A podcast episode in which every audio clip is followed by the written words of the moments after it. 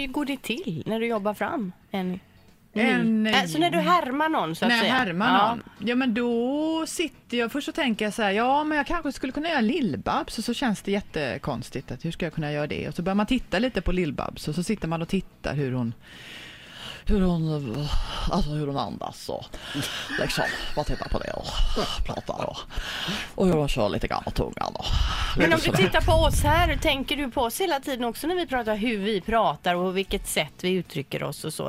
Är det en yrkessjukdom så att säga? Ja, eh, nej, nej men alltså om jag skulle bestämma mig för att ja, men nu ska jag göra imitationer på er, då skulle jag ju titta på er på ett annat sätt. Men, för det är eh, lite så man, man känner med dig att du, kan- du, du går bara gå in och bestämmer dig för att imitera någon och så, så kommer du tillbaka så, och så har du lärt dig.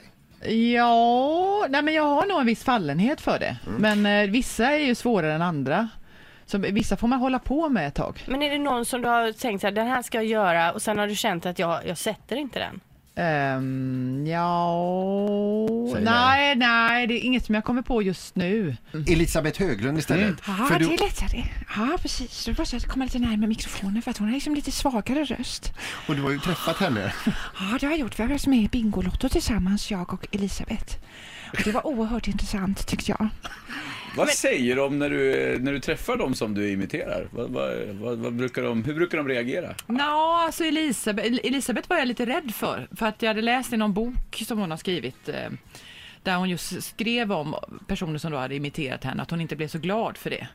Och sen så kom det då en fråga från Bingolotto där de undrade, kan inte du vara med för att Elisabeth Höglund är, är gäst? Och, men då tyckte hon, då träffade jag henne och hon tyckte att det var jättebra och hon tyckte att Ja, det var din rösten så bra. Så jag tyckte att det, och så, så sa hon också så här, ja, så tycker jag att du gör mig så att jag blir snygg.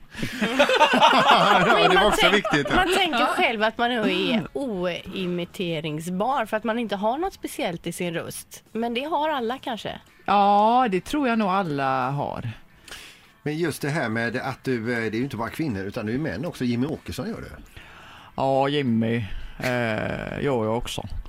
Han är också lite svår. Men eh, jag brukar göra något när han är lite bonnig.